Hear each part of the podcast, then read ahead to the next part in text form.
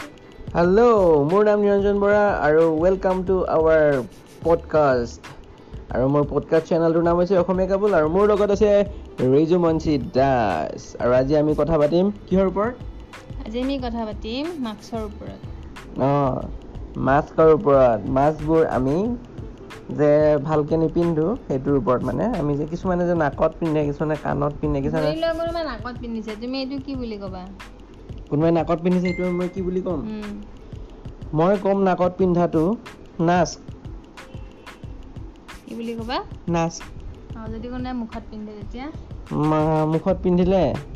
মুখত পিন্ধিলে মাস্ক নাকত পিন্ধিলে নাচ উম, তুমি কি বুলি ক'বা আৰু যদি কোনোবাই কপালত পিন্ধে